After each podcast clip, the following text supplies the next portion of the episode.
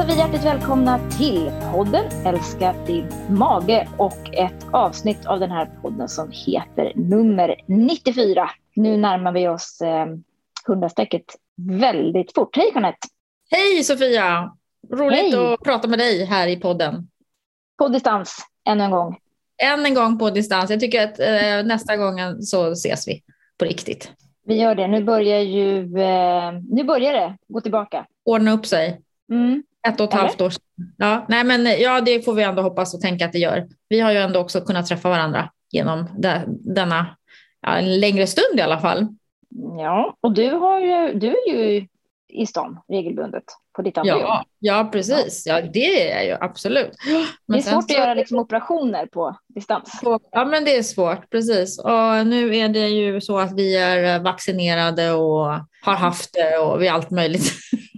Ja, det är lite blandat där. blandat, Så det känns ändå rätt säkert att ses. Ja, Mm, eller hur? Skönt. mm, det är skönt. Mm, även om jag tycker att jag har många runt omkring mig. Nu bor jag ju lite längre ut från stan då, då.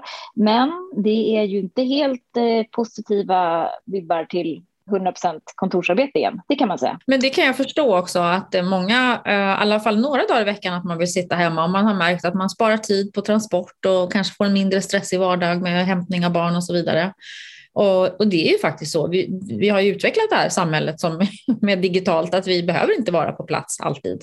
Mm. Eh, Så det blir väl konsekvensen av det här, att nu förstod vi det på riktigt, att vi inte behöver vara fysiskt på plats. Exakt. Alltid. Hybriden är nära för, förestående tror jag. Ja, det, Eh, tänk att det blir ändå någon typ av eh, 50-50 lösning eller något Ja. sånt. jo, Det måste det ju bli att man kan få välja lite grann själv ja. eh, framåt. Och annars är eh, läget bra? Läget är bra får man säga. Ehm, Jag har precis hållit ett litet webbinarie eh, tillsammans med vår andra dietist Matilda eh, om grönsaker eller mera vegetabilier och hur det går ihop med kostbehandlingen FODMAP och hur man kan tänka för att få i sig mera grönt. Bra. Mm, Och bra. stort deltagande.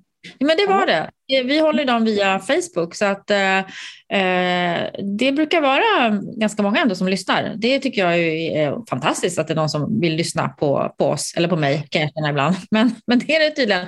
Nu hade jag inga glasögon på mig så jag såg inte exakt hur många det var. Jag stod en bit från skärmen.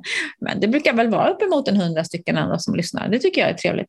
Eh, och det är ju ett Absolut. kärt ämne då att prata om grönsaker och vegetariskt och hur vi får till det här på ett bra sätt och i, då också i Mm. samklang med magen så att inte den protesterar för mycket. Mm, Vad bra. Är det bra? Eh, ja, det är bra eh, tycker jag. Jag eh, sitter och stirrar här på, känner mig lite stolt för jag har fått min första, eh, första kartong med mina första egna burkar med honung.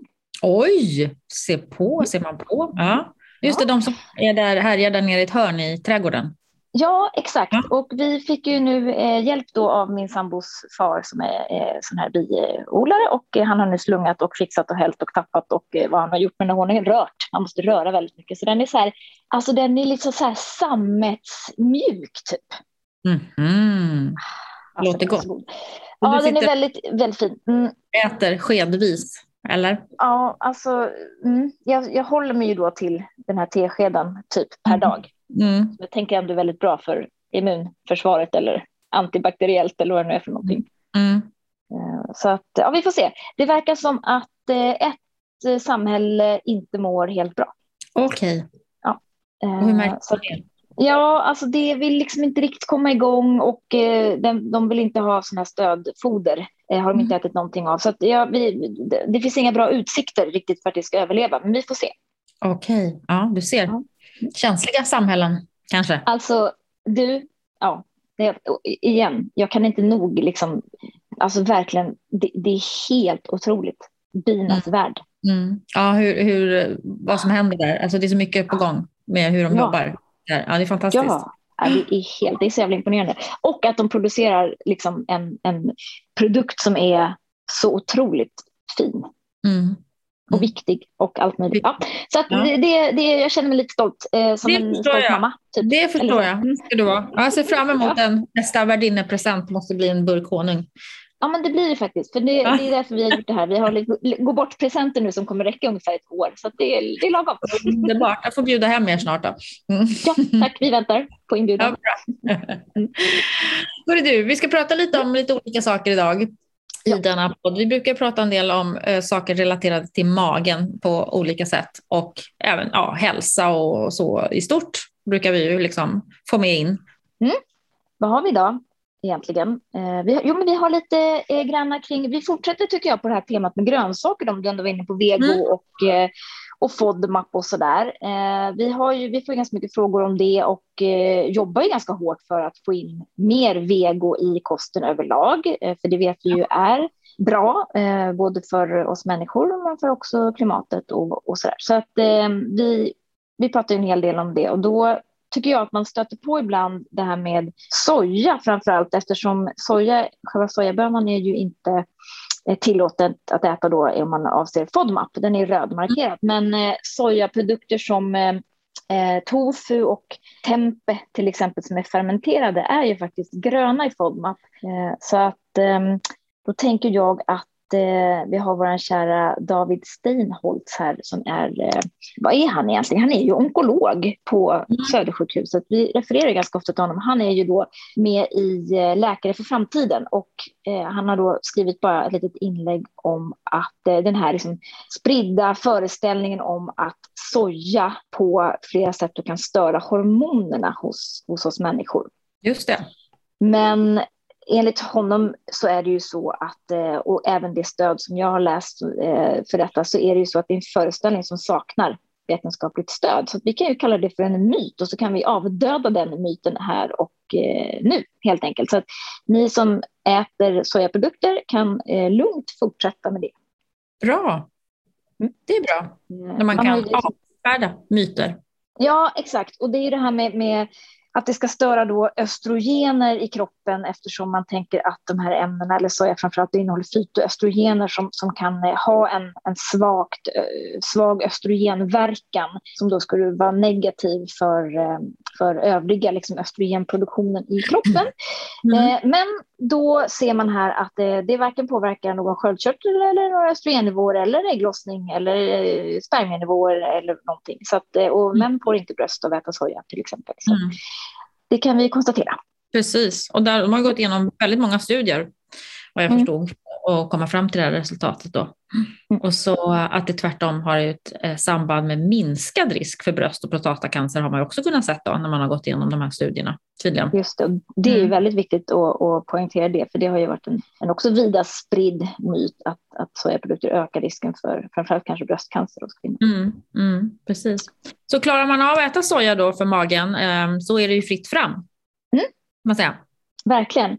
Eh, och då kan vi väl också egentligen bara eh, upplysa om att det finns många eh, fina vegetariska produkter och många av dem är ju sojabaserade. Då får man eh, ibland då kanske lite svårt att förstå, är, är, är soja okej okay eller inte och varför är det okej okay ibland? Och den fermenterade sojan är ju okej okay i FODMAP.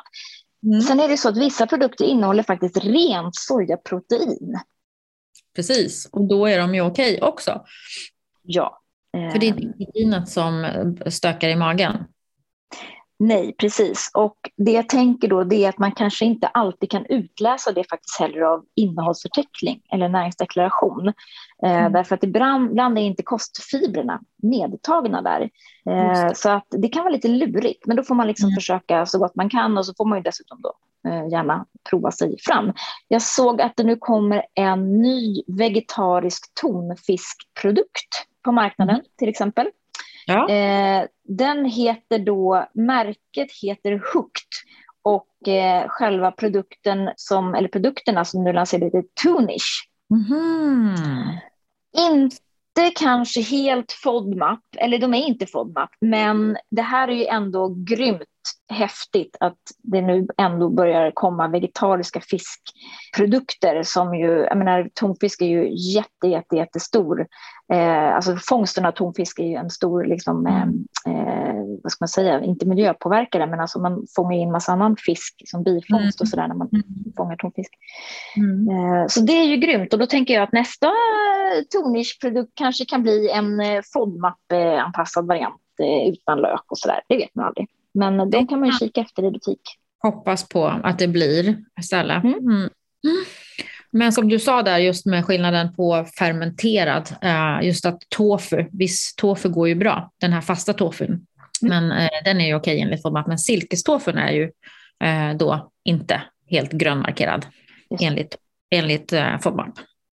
Stämmer, stämmer. Mm. Ja, det var det om detta. Sen hade vi ja. lite annat intressant tycker jag också eh, när det gäller eh, grönsaker, om vi ska fortsätta på det spåret. Mm. Och det är ju det här med vad som, hur det ser ut med besprutning och eh, vad som är besprutat mycket och vad som är besprutat lite. Och där har ju den här amerikanska miljöorganisationen, eh, det kan jag inte ens säga, Environmental Working Group har sammanställt årets globala lista över Dirty Dozen, alltså de smutsiga dussinet. Låter som en film, det finns en film som heter det, tror jag. Eh, på frukt, bär och grönsaker, men mest rester av bekämpningsmedel. Och eh, då pratar de, de har ju gjort det då i USA utgår jag från. Eh, och då är det jordgubbar som toppar listan följt av spenat och grönkål. Och då har man tagit de här proverna eh, på vanlig odling, alltså konventionell odling. Och det är där jordgubbar då toppar listan. Eh, och någonting som var intressant där, det var ju att grönkål som då nyligen låg på den här listan som heter Clean 15, de är så mm. duktiga på sådana här uttryck i USA, eh, mm. De har, den har liksom bytt plats nu så att den har liksom hamnat på plats tre i den här dirty dosen. Då. Mm. Eh, och där, även där konstaterar man ju att köpa ekologiskt odlade eh, grödor är ju då bättre för att eh, eh vad heter det, undvika den här typen av eh, livsmedel där man hittar eh, bekämpningsmedel, rester av det. Men ska ju också sägas att här i Sverige då får vi ju ändå klappa oss lite på axeln. Eh, att vi är ganska duktiga på det här. Att eh, inte ha för mycket besprutning på våra produkter, eller rester av besprutning, utan när man, när man mäter de här och tar stickprov på våra svenskodlade, och, eh, men även importerade frukter och grönsaker. Och jag tänker att vi importerar mycket från, från EU. Eh, mm. Och där är ju de här halterna vanligtvis då mycket lägre än de här gränsvärdena som satts upp, vilket ju är positivt. Verkligen. Verkligen. Mm. Tänker att eh, framför allt då till exempel jordgubbar som ibland tycker jag ändå målas ut i, liksom, i tidningarna som eh, värstingar, alltså även mm. svenska jordgubbar.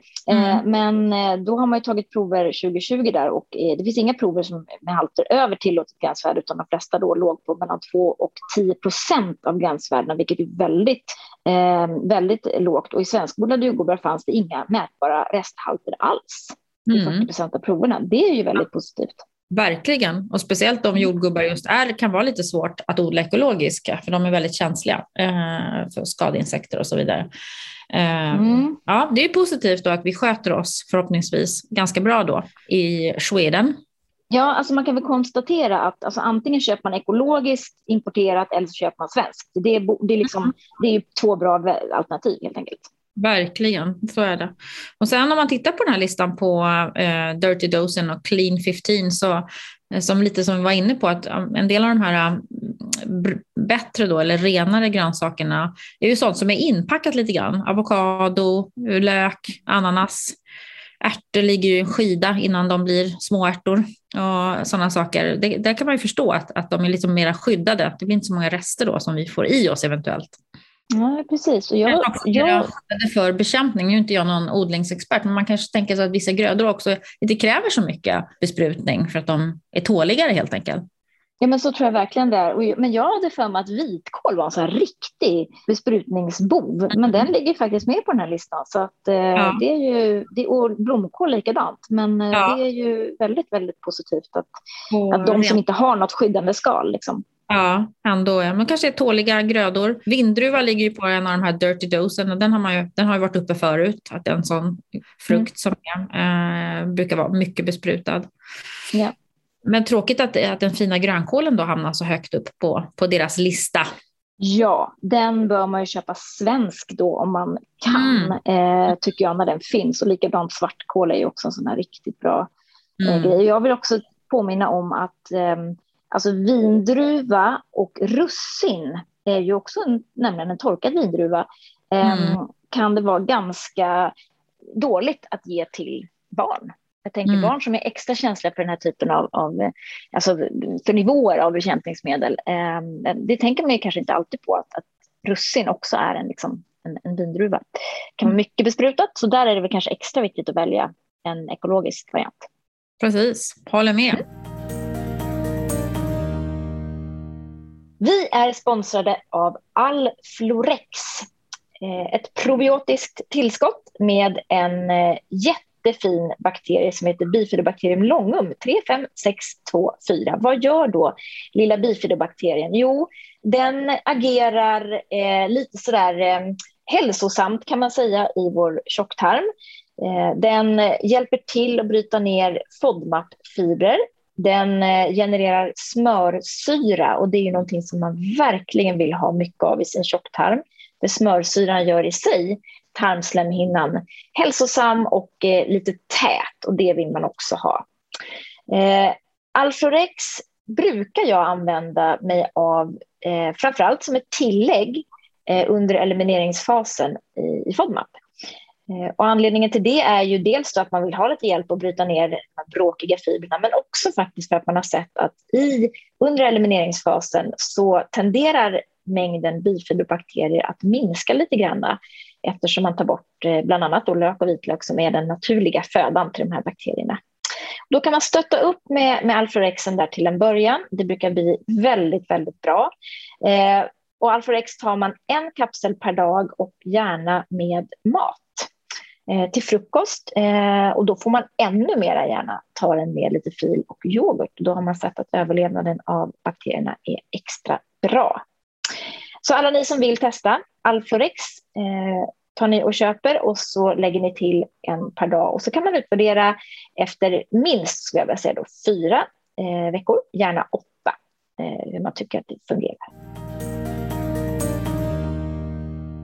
Ja, och nu, du kom du osökt in liksom på ett ämne, nästa ämne kan man ju säga, um, det här med barn. Just det. Eh, vi har ju ett par eh, faktiskt ganska intressanta studier eh, som har kommit, tycker ju vi då, du och jag. Jag vet inte riktigt. Mm. Eh, jag antar att ni som lyssnar också tycker att det är intressant, annars skulle ni inte lyssna.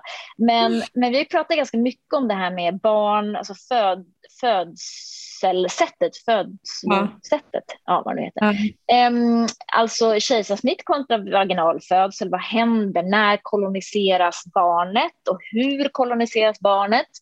Eh, och där har man konstaterat att, att, barn som föds med kejsarsnitt får ju inte alls samma eh, kolonisering av tarmbakterier för att de inte får kontakten med sin mammas avföring. Mm. Nu använder du också ett fint ord här, de koloniseras. Ja. Det kan du få vara god och förklara lite, lite närmare. Vad menar du? Ja, men alltså, vad ska man säga? Eh, kommer in i och växer till. Ja, eh, ja det, var väl, det var väl en bra förklaring. Mm. Mm.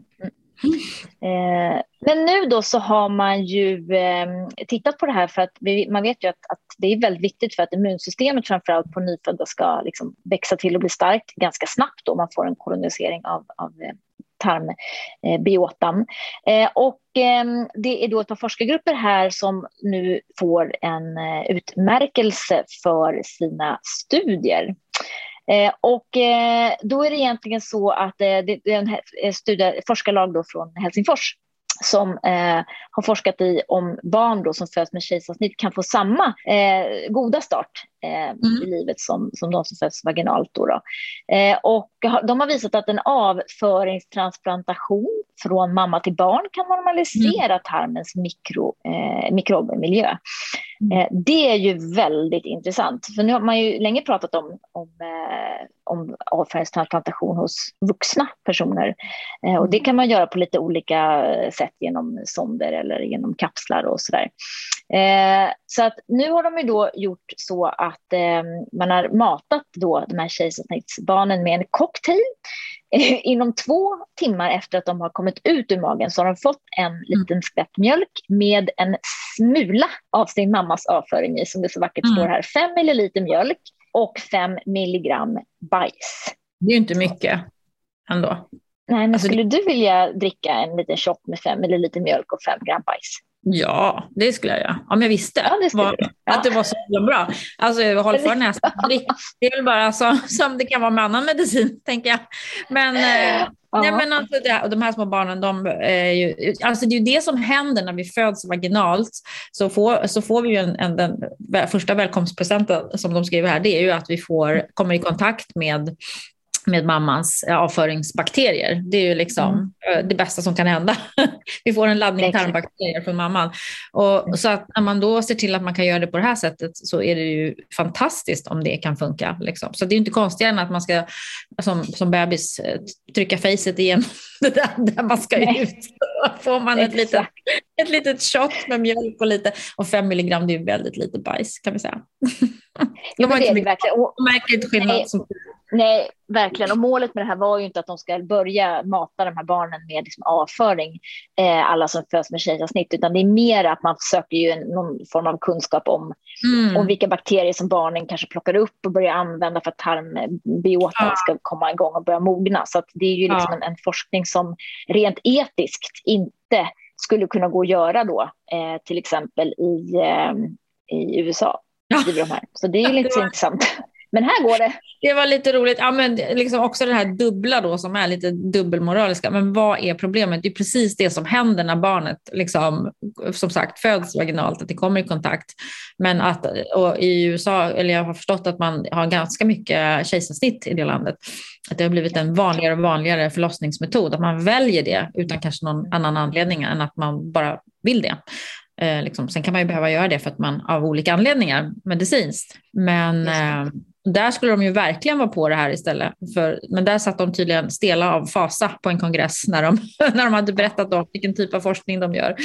Så ja, de har nog lite att lära då kan man säga. Ja, men jag, tänker, alltså, jag tror att de är ganska stora på avföringstransplantation vid Clostridium difficile ja. infektioner i USA, vad jag har förstått ja. i alla fall. Så det, vore konstigt. Ja, att de reagerar så där då. Mm. Mm. Men det är som, precis som du säger, man, tanken är att en dag så kanske man kan sammanföra de här bakterierna till, som, som ett läkemedel istället. istället då, då. Mm, precis. Mm. mm. Ja, men det, det, är lite intressant. Och sen har vi ju Också en intressant nyhet egentligen från, från Sverige. Eh, och det här är ju då eh, egentligen Lunds universitet Region Skåne då, som ska göra ett litet försök här om probiotika från tidig födsel då kan förhindra utvecklingen av typ 1-diabetes hos barn då med en ökad genetisk risk för just typ 1-diabetes. Eh, och att eh, ja, hypotesen då att probiotika ska främja eh, tarmfloran eller en ja. hälsosam tarmflora och att det ska då ge en, en positiv effekt på immunsystemet innan då de första tecknen på autoimmunitet uppstår. Autoimmunitet, eh, diabetes typ 1 är ju en autoimmun sjukdom. Mm. Eh, så det är ju intressant. Verkligen. Att mm. man kunde gå in och liksom stötta upp tarmfloran eh, liksom innan de här första tecknen på en autoimmunitet uppstår. Mm. Det är ju jätteintressant um, om man kan börja jobba så. Det, ja, så spännande. Verkligen, och att man också till och med ser att, att de här barnen som har haft auto, autoantikroppar innan de är insjuknat också har haft en obalans i tarmfloran enligt mm. tidigare forskning. Sen mm. vet man ju aldrig vad en obalans i tarmfloran innebär. Alltså det är ju väldigt för mig alltså diffust. Ja. Vad är det att de saknar stammar eller att det är några stammar som är alldeles liksom för över, övertaliga, eller på att säga, eller vad, vad, liksom, vad är det för någonting? Men, mm. men helt klart då är att man försöker påverka tarmfloran i tidig ålder för att ja, minska risken för egentligen då autoimmuna sjukdomar men också då som vi pratade om tidigare Helsingfors, alltså för att, för att drabbas för att förhindra att man drabbas av kroniska sjukdomar längre fram i mm. livet. Mm. Att man har ett bra, eh, grunden till ett bra immunförsvar, för den, den ligger ju där. Exakt. Det här mm. preventiva arbetet som börjar redan liksom från start, det gillar vi. Det gillar vi. Mm. Mm. Helt klart. Verkligen, verkligen. Bra, det var det om det. Jeanette, ska du, ska du ta den sista lite demotiverande nyheten ja. i den här podden? Ja, fast ja, men det, jag tycker ändå inte det är demotiverande, eller fast det kanske är det ändå. Men det här är bara någonting som jag tycker är jätteintressant, för det här pratar jag ganska ofta om eh, också när jag jobbar med eh, överviktskirurgi, överviktspatienter.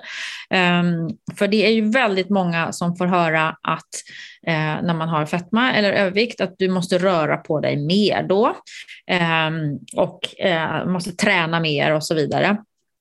Och, det, och har man då problem med vikten så, så läggs det ganska mycket skam på, man lägger det på sig själv eller andra lägger det på en att ja, det, är liksom, det är det du borde göra för att bli av med den här övervikten och jag möter, hör också många som säger att ja, men jag har försökt och försökt och jag har tränat i perioder jättemycket eh, men det, det går inte liksom eh, och känner sig misslyckade då att man inte klarar av det. Eh, och jag brukar prata om det utifrån det perspektivet att eh, vill man gå ner i vikt så handlar det till 90 procent om kosten. Eh, och sen ja, vanor och beteende och allt det här. Men liksom det är kosten man måste sätta in på. Eh, och allra bäst är om man inte går, aldrig går upp i vikt, för det är väldigt komplext när man väl har, har kommit dit och ska försöka gå ner. Men eh, att det är ändå kosten, att, att träningen är, det är väldigt tufft att, att träna bort eh, att, att liksom använda träningen till att gå ner i vikt. Det ska väldigt mycket träning till och bara den där, det är väldigt lätt att genom att stoppa en eh, halv kanelbulle eller en hel kanelbulle i munnen så har du liksom den där, det där timmen som du stod på det där gåbandet, den är liksom, ja, då har du ju i stort sett kompenserat för den då. Eh, många av de här tabellerna, man kan räkna kalorier, hur mycket jag förbränt den här timmen, det, det blir ju inte liksom helt riktigt eh, och sant. Mm. Um, och där, nu har det ju kommit annan forskning som ju på ett annat sätt uh, beskriver det här. Uh, och det här är ju också väldigt intressant att de säger då att forskningen visar att kroppen har ett övre tak för sin energiförbränning eller vad man ska kalla liksom en, en begränsad daglig energiförbrukning. Och ja, det är klart att om man går till gymmet och lyfter tunga saker eller en timme eller cyklar i tre timmar så kostar det energi. Eh, men, men kroppen använder också energi på andra saker. Man behöver energi för ja, de inre organen ska hålla sig igång och immunsystemet och den svarar på stress och läka skador och allt i vår kropp. Det krävs energi när vi ska andas och allting. Och då visar den här forskningen att alla de här funktionerna då, det blir lite av ett nollsummespel. Så att använder man mer energi till träning så blir det mindre energi över till de andra funktionerna. Så totalt sett så ökar förbränningen inte över tid menar man här då. Man kan liksom... Det, det, här känns lite suspekt då kan jag ja, tycka. För att om vi då ja. behöver energin för att upprätthålla immunsystem och läka och svara mm. på stress, alltså mm. då menar de här då att om vi då skulle så att säga ta av den energin till att köra ett, en timme på gymmet så skulle vi ha mindre energi för att stötta immunförsvaret då, eller? Mm. Eh, ja, men alltså, um, han, de vänder lite på det här också. Att, liksom, för man känner ju ofta att man mår bättre när man tränar, man håller, att håller sig aktiv och att man tycker att träning är ett bra sätt att stressa av. Och då kanske mm. det är förklaringen på att är, tränar du, ja, men då har du mindre energi kvar till att svara på stress på jobbet till exempel. Det är liksom att ja, men kroppen kommer inte reagera på den där stressen för det är liksom, det, den, den har inte energi till det. Så den, den väljer upp, liksom, man upplever att man blir lugnare. Så det är liksom att vända lite tycker jag, på, upp och ner på hela resonemanget. Men sen så tänker jag också, det är en jätte, jag, jag ehm, ska lyssna igenom den här, för det finns tips om det på Dagens Nyheter studio har de då den 14 september en liten inlägg om som man kan lyssna på. Därför kan du inte träna bort fikabullen. Och jag har i ärlighetens namn inte hunnit lyssna på det, så det ska jag göra för det verkar jätteintressant. Um, för att jag tänker att ändå om du tränar, om du bibehåller din muskelmassa till exempel, då måste du ändå ha en, en no, liksom bättre förutsättning för att ha en, en, bra förbränning hela ditt liv än om, ja, när vi blir äldre, vi tappar muskelmassa när vi blir inaktiva. Och det är ju ändå ett sätt att, att hålla vår förbränning uppe. Um, och det är klart att man förbränner mer under en period också då, om man, som de skriver, en kortare period om du tränar jätteintensivt. Liksom. Men, men över, över, över längre tid och tydligen. Att, att det ja, finns och det här är ju, nu är det bara förbränning vi pratar om. Man ska komma ihåg mm. att träning har ju potential att påverka varenda cell i hela ja. vår kropp. Och det är dessutom ja, så att vi mentalt också mår så mycket bättre. Eh, jag ja. tänker depressionsrisk etc. Eh, om man tränar. Så det, mm. den inre liksom, storstädningen är ju ändå så att säga det som jag tänker att det är viktigt att träna för. Plus att hålla ryggen i skick, eh, nacken i skick, eh, Rygg. för övrigt kroppen. Ja, exakt. Jo, men den listan kan göras hur lång som helst på varför vi ska träna eh, och må bra av det. Men just den här eh, i, i förhållande till att när man vill gå ner i vikt och så, hur mycket en del kämpar på den här trappmaskinen. Eh, och man jobbar lite i motvind då. Och det, den här forskningen verkar ju också tyda på det på något vis. Så att, ja, eh, intressant att lyssna på det, det, kan väl vara vårt tips då till eh, veck, kommande vecka här att gå in och lyssna på den där eh, lilla eh, inspelningen då på Studio DN eh, helt enkelt. Ehm, det var ju allt för idag. Vi ehm, eh, ja. ber att få tacka eh, så väldigt mycket för att ni har lyssnat. Vill ni veta mer om oss så går ni in på bellybalance.se eller så laddar ni ner vår app Belly Balance. Och det är ju till för dig som har IBS. Där har vi en hel behandling och den kan du testa gratis i ett antal dagar. Lyssna lite grann på vad vi säger om IBS och, och så vidare och testa vår fantastiska streckkodsläsare som, som läser av FODMAP-innehållet i olika produkter. Så det tycker jag du ska göra. Eh, det går också mycket bra att boka en konsultation med någon av oss dietister. Eh, det gör du också inne på hemsidan bellybalance.se och eh, för er info så kan jag ju meddela att det går att använda friskvårdsbidraget när man bokar sin konsultation. Så att, eh, det får ni gärna tänka på också. Det är många som inte känner till det. Eh, det börjar också boka på rätt bra med föreläsningar här eh, och då är det primärt jag som är ute och eh, föreläser på olika håll och kanter. Jag kommer att synas på en del håll här under hösten och ni ska få reda på det kanske i nästa avsnitt, vilka datum som är inplanerade där ni kan komma och titta om ni vill. Det är faktiskt en del mässor som öppnar igen, vilket är superkul. Mm. Så att ehm, det ska vi meddela om. Vill ni boka in en föreläsning till ert eh, företag, eh, lite sådär kost och hälsa eh, generellt, då eh, är det också bara att ta kontakt med oss via hemsidan. Och, och Jeanette, och, det viktigaste av allt. Och precis, via hemsidan, när man ändå är på hemsidan, var det det du skulle mm. säga? Ja, då ja. måste man gå till vår webbshop. För där finns det ju nu eh, en rad nya eh, kryddblandningar.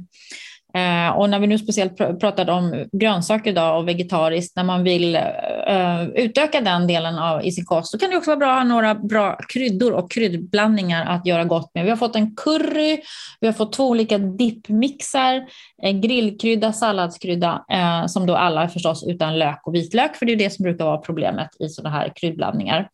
Eh, och eh, vi har fått nya förpackningar och nya eh, etiketter. Så det är så fint. Så det är verkligen någonting man ska gå in och kolla in där. Kan man, ja, det är, man kan säga att dippmixerna har blivit en succé. Vi har inte ens lanserat dem i stort sett. Och de är, det verkar som att många har saknat dipp utan lök. Så att säga. Ja. Jag är den lyckliga ägaren nu av en hel uppsättning här, så jag ska, det blir ikväll ska detta provas. Mm. Ja, de är supergoda. Verkligen. Mm. Eh, ja, nej, men in och botanisera i, i webbshoppen och som sagt ta kontakt med oss om ni känner för det. Annars så får ni ha en eh, fina kommande veckor här och eh, ta hand om er själva och er mage. Ha det bra. Hej, hej. hej.